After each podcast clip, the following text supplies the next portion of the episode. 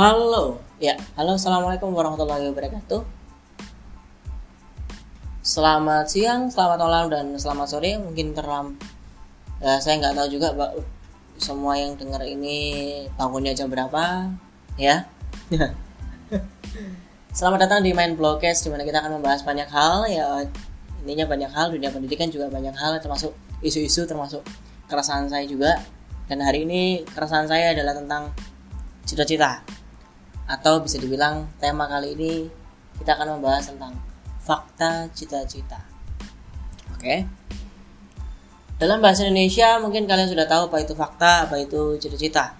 Fakta adalah keadaan di mana uh, hal itu dianggap nyata, dianggap ada dan uh, sesuai dengan runtutan atau alur dunia yang ada atau bahasa gampangnya nyata. Bahasa gampangnya nyata. Uh, tidak ngadi-ngadi atau tidak ngada-ngada. Tidak berada tidak dibuat-buat dan itu adalah fakta. Dan cita-cita. Cita-cita pada, uh, pada kenyataannya berdasar berdasar pada keinginan. Berdasar pada keinginan manusia itu sendiri oke? Okay? apa pun itu uh, mesti jika kalian punya keinginan, berarti kalian sudah punya cita-cita.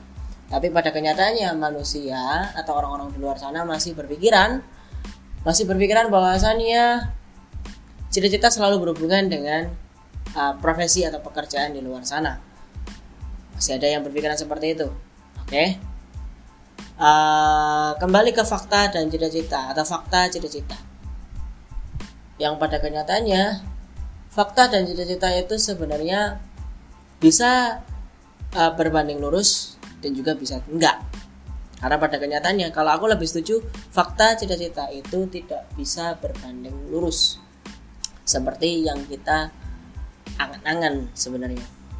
Uh, seperti halnya uh, contoh satu kasus supaya kita bisa relate dulu relate kita mencoba untuk menyesuaikan sama dunia nyata yang ada biar kalian bisa memakan fakta yang ada tidak seperti orang-orang di luar sana yang masih termakan oleh berita-berita bohong di luar sana yang sudah jelas bohongnya tapi kalian masih termakan ya.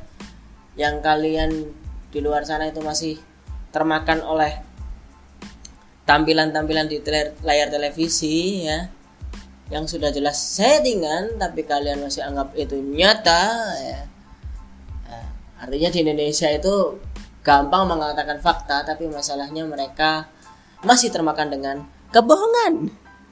Oke, okay. kita lanjut lagi fakta dan jadi kita.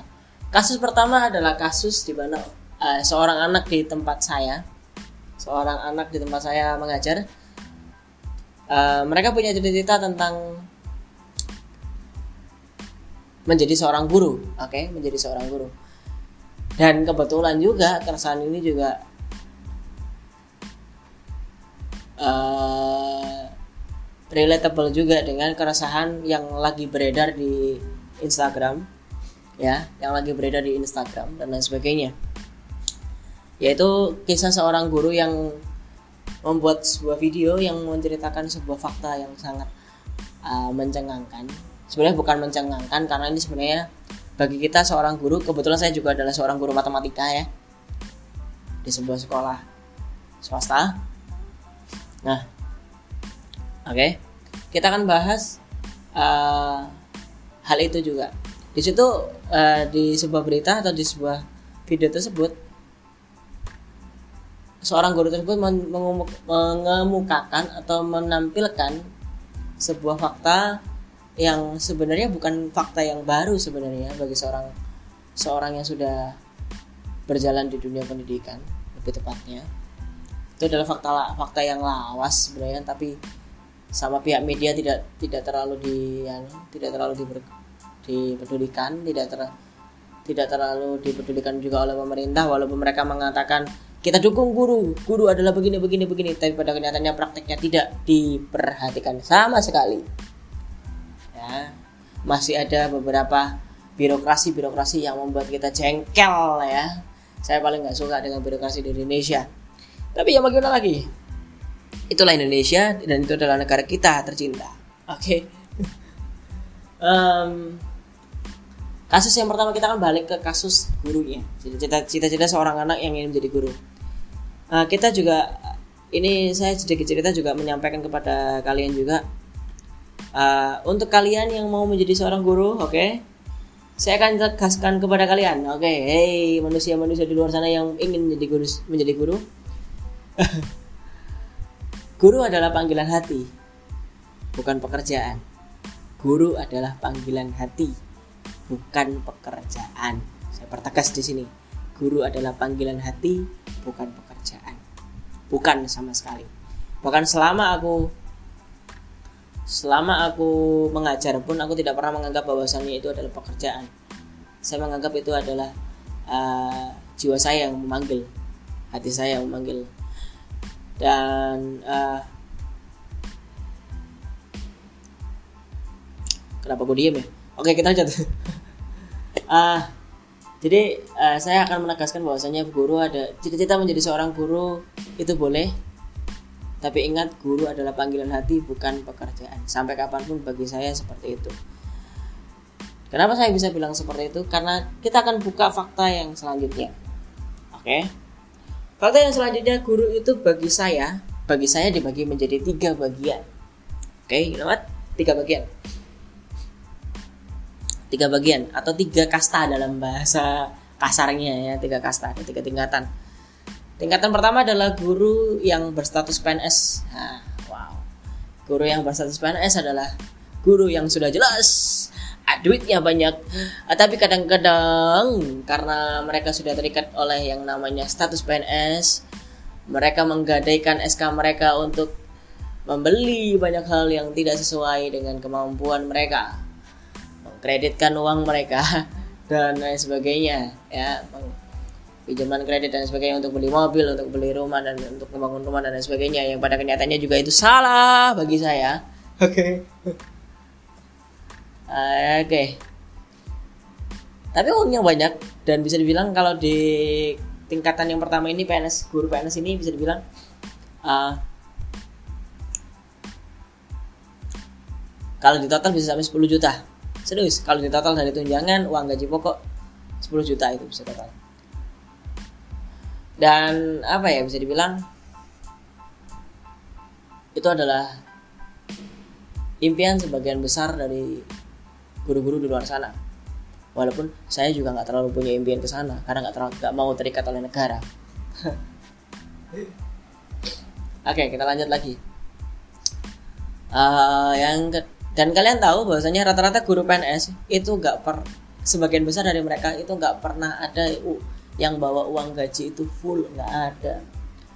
Pasti akan dapat potongan-potongan. Karena apa? Karena rata-rata guru PNS sebagian besar mereka itu menggadaikan SK mereka. Akhirnya ketika menggadaikan SK mereka untuk kebutuhan mereka setiap mereka mendapatkan uang akan dipotong oleh pihak negara karena untuk membayar hutang-hutang mereka. Maksudnya hutang-hutang orang yang menggadaikan SK ya bukan utang-utang negara ya. Benar mereka punya rumah punya mobil dan lain sebagainya. Tapi setiap pulang kerja setiap setiap pulang setiap pulang dan waktunya gajian mereka selalu membawa uang ya sedikit. Tidak ada yang sesuai dengan struknya. Oke tidak ada yang sesuai dengan struknya. Ada yang pulang-pulang dapat lima pulang-pulang lima ratus ribu ada yang pulang-pulang cuman bawa bawa seratus ribu bahkan ada yang pulang tidak membawa sama sekali ya. Ada dan itu memang kita nggak usah sebut lah. Pokoknya ada intinya ada memang ada kasus seperti itu juga. Dan itu mungkin tidak ber, tidak hanya berlaku di dunia PNS guru ya di, di PNS di sistem guru. Itu mungkin juga berlaku di beberapa uh, tempat di PNS PNS itu. Ya apa pun itulah. Kita lanjut ke yang kedua Kasta yang kedua adalah kasta guru honorer. Nah, guru honorer itu guru yang terikat dan punya status di di negara.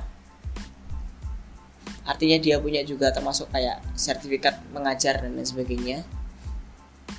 Uh, tapi masalahnya yang berbeda adalah mereka nggak punya itu tunjangan itu aja sih mereka nggak punya tunjangan tapi mereka punya gaji uang ya kalau dari segi kasta karena kastanya ini kasta yang kedua berarti kan gajinya otomatis kan lebih kecil daripada guru PNS ya walaupun masih kalau di total ada ya masih banyak juga sih sebenarnya duitnya. Cuman ya ada lah. Intinya lebih kecil. Ya kalau misalkan 10 juta anggap aja guru honorer itu 3 juta. Nah yang yang pahit itu tapi nggak sampai sih guru setahu guru honorer nggak sampai 3 juta mentok-mentok paling dua setengah. Kalau yang untuk di wilayah Surabaya ya. Kalau kita bicara wilayah Surabaya mentok-mentok paling dua setengah atau 2 jutaan. Yang ketiga adalah ini adalah guru yang paling pahit ya siap-siap. Oke. Yang ketiga adalah guru yang seperti saya saya adalah guru yang menerima uang gaji dari pihak sekolah. Oke, dari tempat kita mengajar. Dan bukan oleh negara dan juga apa ya? Nama kita pun nggak ada dalam negara nggak nggak disatukan sebagai seorang guru di negara. Sebagian besar.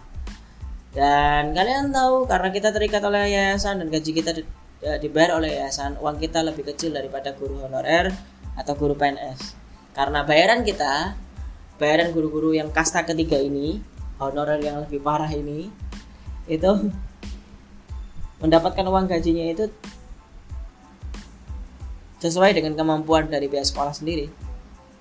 Kalau sekolah-sekolah besar kayak Cambridge atau sekolah-sekolah sekolah-sekolah orang Tionghoa di luar sana ya uh, mereka masih bisa mendapatkan uang uang satu juta atau dua setengah atau bahkan ada yang sampai UMR ada juga tergantung pihak sekolah nah, sekolahnya sebesar apa? Maksudnya seberapa besar kualitasnya?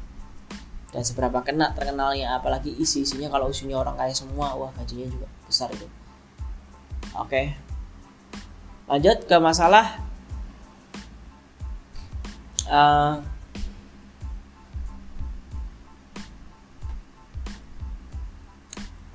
seperti apa guru seperti saya? Nah ini saya uh, kalau bagaimana eh, pertanyaan selanjutnya sorry sorry sorry, sorry kacau semua. Oke. Okay, lanjut oke. Okay. lalu bagaimana kalau misalkan itu sesuai dengan kemampuan pihak sekolah kalau misalkan pihak sekolah bisanya atau mampunya membayar kita cuma 100 ribu. Ya akan menerima 100 ribu dan contoh kasusnya adalah saya. Di tempat saya mengajar saya dibayar 300 ribu. Mau gimana coba? Ya gak kan? Ya kalau dapat 300 ribu ya 300 ribu loh terus gimana makannya dan sebagainya? Makan masih bisa makan. Nah, tapi kita ngirit ngirit ngirit sekali. Itu dia. Itu adalah fakta yang uh, yang kalian harus pelajari dan saya berpesan untuk orang-orang yang bercita-cita menjadi seorang guru. Untuk yang perempuan yang bercita-cita menjadi seorang guru kalian boleh. Dan saya sangat sarankan kalian bekerjalah menjadi seorang guru. Hei perempuan. Oke. Okay. uh, terus yang kedua uh, untuk yang para pria ketika kalian para laki-laki di luar sana ketika kalian punya cita-cita menjadi seorang guru kalian harus berpikir tentang fakta yang ada. Dan ketika kalian sudah tahu tentang faktanya bukan berarti aku tidak memperbolehkan untuk punya cita-cita seperti itu boleh cuman paling tidak kalian harus punya uang. Maksudnya uh, punya pundi-pundi uang tambahan. Artinya kerjaan tambahan di mana di mana terserah kalian mau kerja apa. Pokoknya jangan berharap uh, uang besar di dunia pendidikan. Karena di dunia pendidikan kalian bisa punya uang besar kalau kalian berani untuk ngobek-ngobek. Mungkin uh, jual buku atau apa terserah. Ya itu kalian bisa punya uang besar di situ sebenarnya bukan bukan di mengajarnya karena percuma kalian uh, mengharapkan uang besar di uh, dunia pendidikan apalagi dalam sisi hal mengajar anak-anak ya. Itu nggak akan bisa ketemu uang besarnya. Selanjutnya bagaimana? Nah apakah itu juga berlaku untuk cita-cita yang lainnya di luar sana? Mungkin bagi kalian yang punya cita-cita menjadi seorang tentara atau apa pun kalian tetap ber, boleh untuk bercita-cita kalian tetap boleh berkeinginan. Dan saya sebenarnya nggak juga nggak melarang juga sebenarnya. Tapi ingat satu hal ketika kalian memiliki cita-cita pelajari fakta dan pelajari bagaimana cara mengurangi resiko untuk kalian suatu hari nanti kecewa. Apakah ketika kita bisa e, mencapai keinginan kita atau cita-cita nanti tidak ada kekecewaan nggak mungkin pasti ada yang namanya kekecewaan setelah kita menggapai keinginan kita atau cita-cita kita. Jadi uh, saran saya ada dua. Yang pertama, cobalah untuk uh, tidak terlalu fokus pada cita-cita, tapi pelajari bagaimana fakta uh, yang ada, ya fakta yang ada. Artinya apa? Ketika kalian misalkan punya cita-cita, ya pelajari dulu cita-citamu itu bagaimana cara cara uh, cara untuk ngapain ya bagaimana cara untuk apa ya bagaimana cara untuk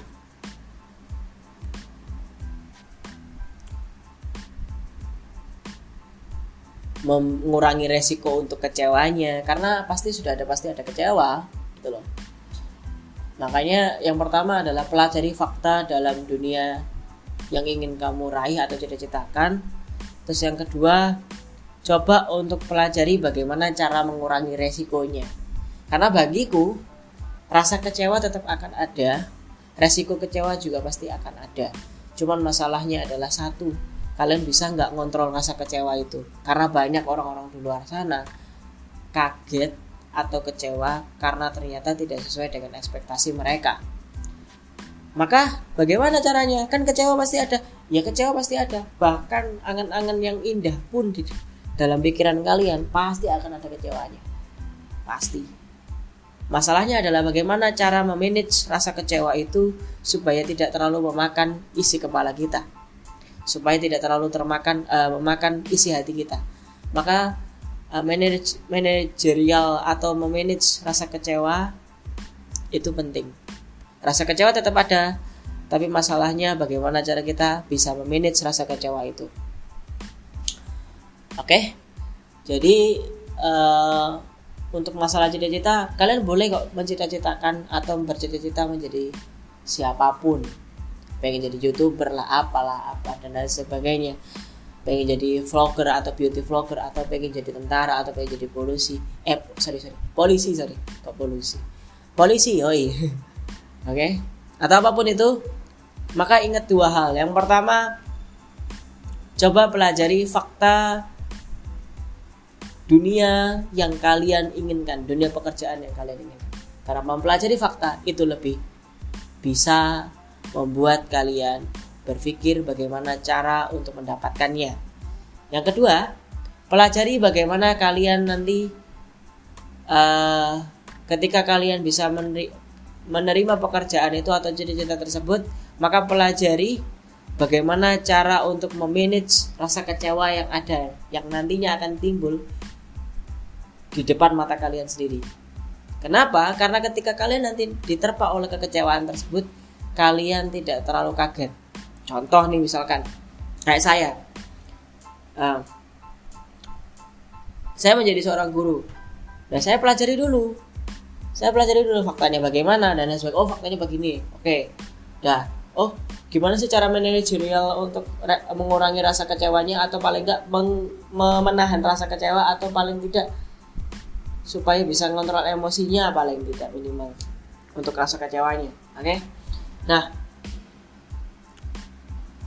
Kenapa aku harus ada ngomong seperti itu? Ya karena nanti ketika kalian diterap ditabrak oleh keadaan dunia nyata tersebut kalian oh kalian akan berpikiran seperti ini. Oh aku gak kaget kok. Aku nggak kaget kok karena aku udah tahu memang ini yang harus aku terima. Rasa kecewa ini yang aku harus terima.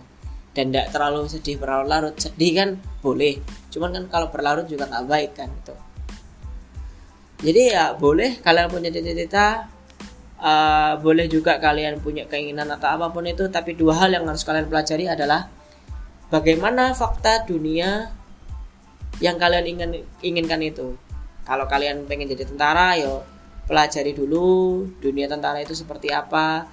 Dan saran saya untuk mempelajari dunianya dunia cita-cita kalian dunia di mana cita-cita kalian ada pelajari yang negatifnya dan pelajari juga positifnya. Jangan hanya mempelajari positifnya saja tapi mempelajari juga negatifnya. Karena semua pekerjaan itu sudah pasti ada positif dan ada negatifnya juga. Oke? Yang kedua adalah pelajari bagaimana ketika nanti kalian di uh, dihadapkan oleh hal-hal negatif tersebut atau hal-hal dunia uh, dunia negatif yang ada pada cita-cita kalian kalian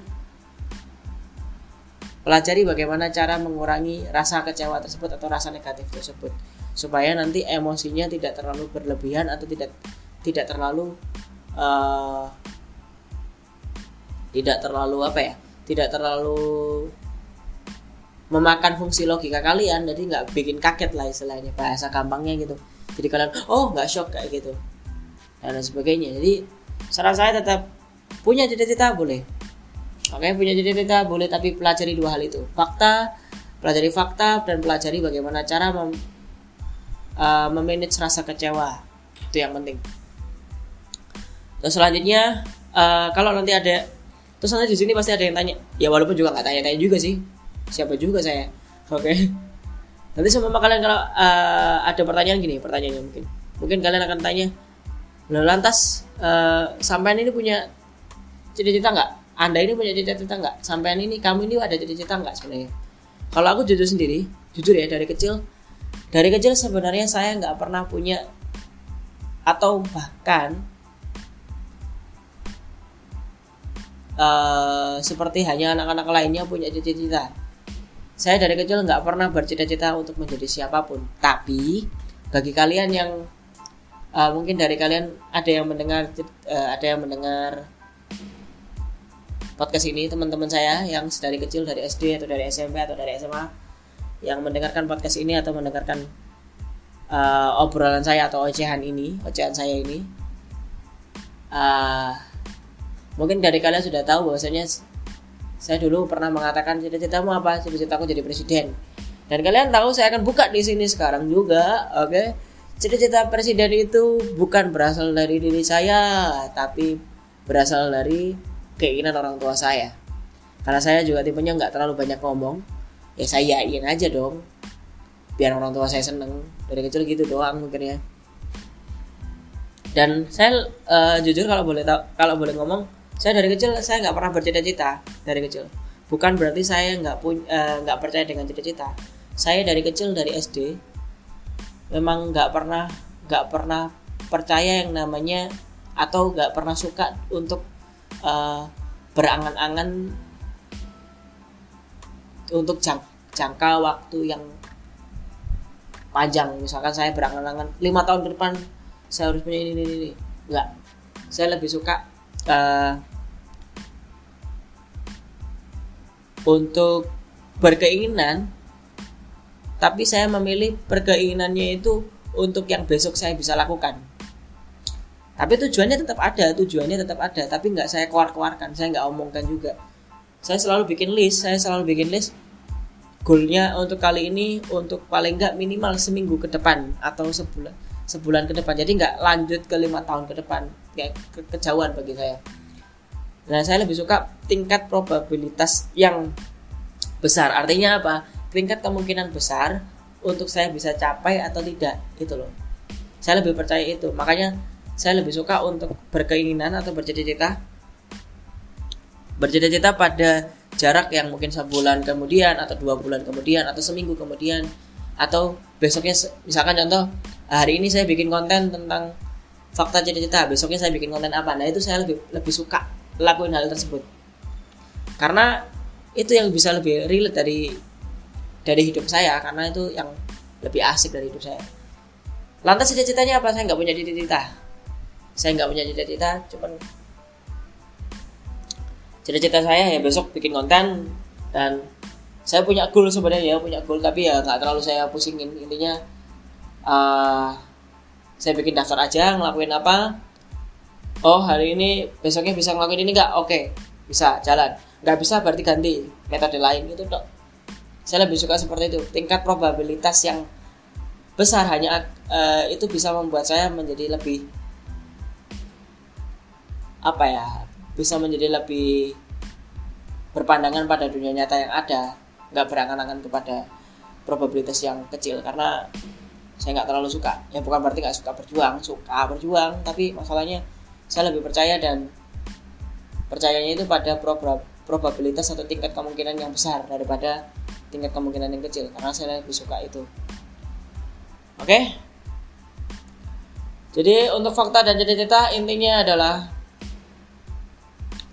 jangan kalian termakan pada kalimat positif tapi kalian juga harus pelajari bagaimana dunia ini berjalan. Apakah bisa kalian uh, jalani atau bisa kalian dapatkan nggak? Dengan dunia nyata yang ada sekarang bisa nggak kalian dapatkan cita-cita kalian? Itu yang harus kalian pikir dalam-dalam. Bukan berarti aku membuat kalian untuk tidak punya cita-cita.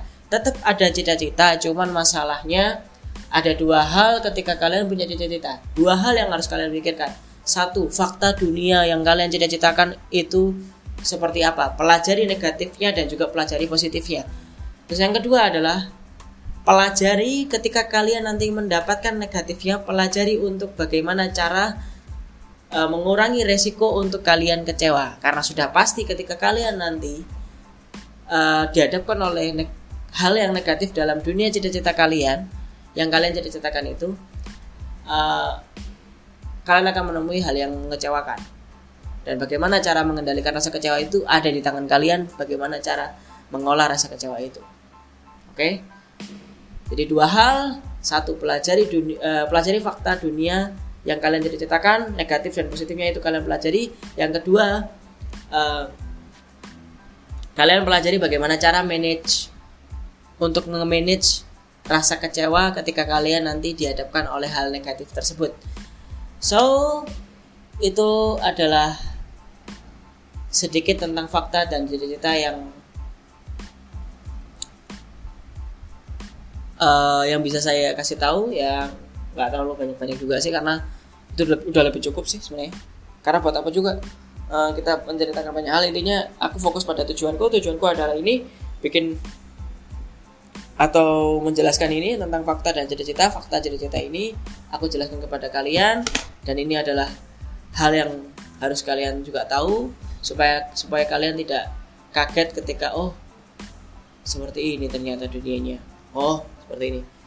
Agar kalian bisa menjadi lebih paling tidak minimal ya bisa mengendalikan emosional emosionalnya lah paling tidak. Oke? Karena menjadi bijak itu jangan jangan ada aja jangan ada di pikiran kalian deh. Percuma menjadi bijak itu. Nanti kita akan bahas baga- kenapa saya nggak suka seperti bicara tentang kebijakan dan sebagainya. Oke, oke, sekian dan tetap bahagia, tetap tersenyum, tetap menjalani kehidupan dengan apa adanya, nikmati dunia nyata karena itu ya memang dunia kalian. Oh, so selamat istirahat ya, selamat mendengarkan dan semoga kalian yang mendengarkan ini adalah orang-orang yang bahagia di ke depannya, saat ini, esok, dan selamanya. See you next time and 拜拜。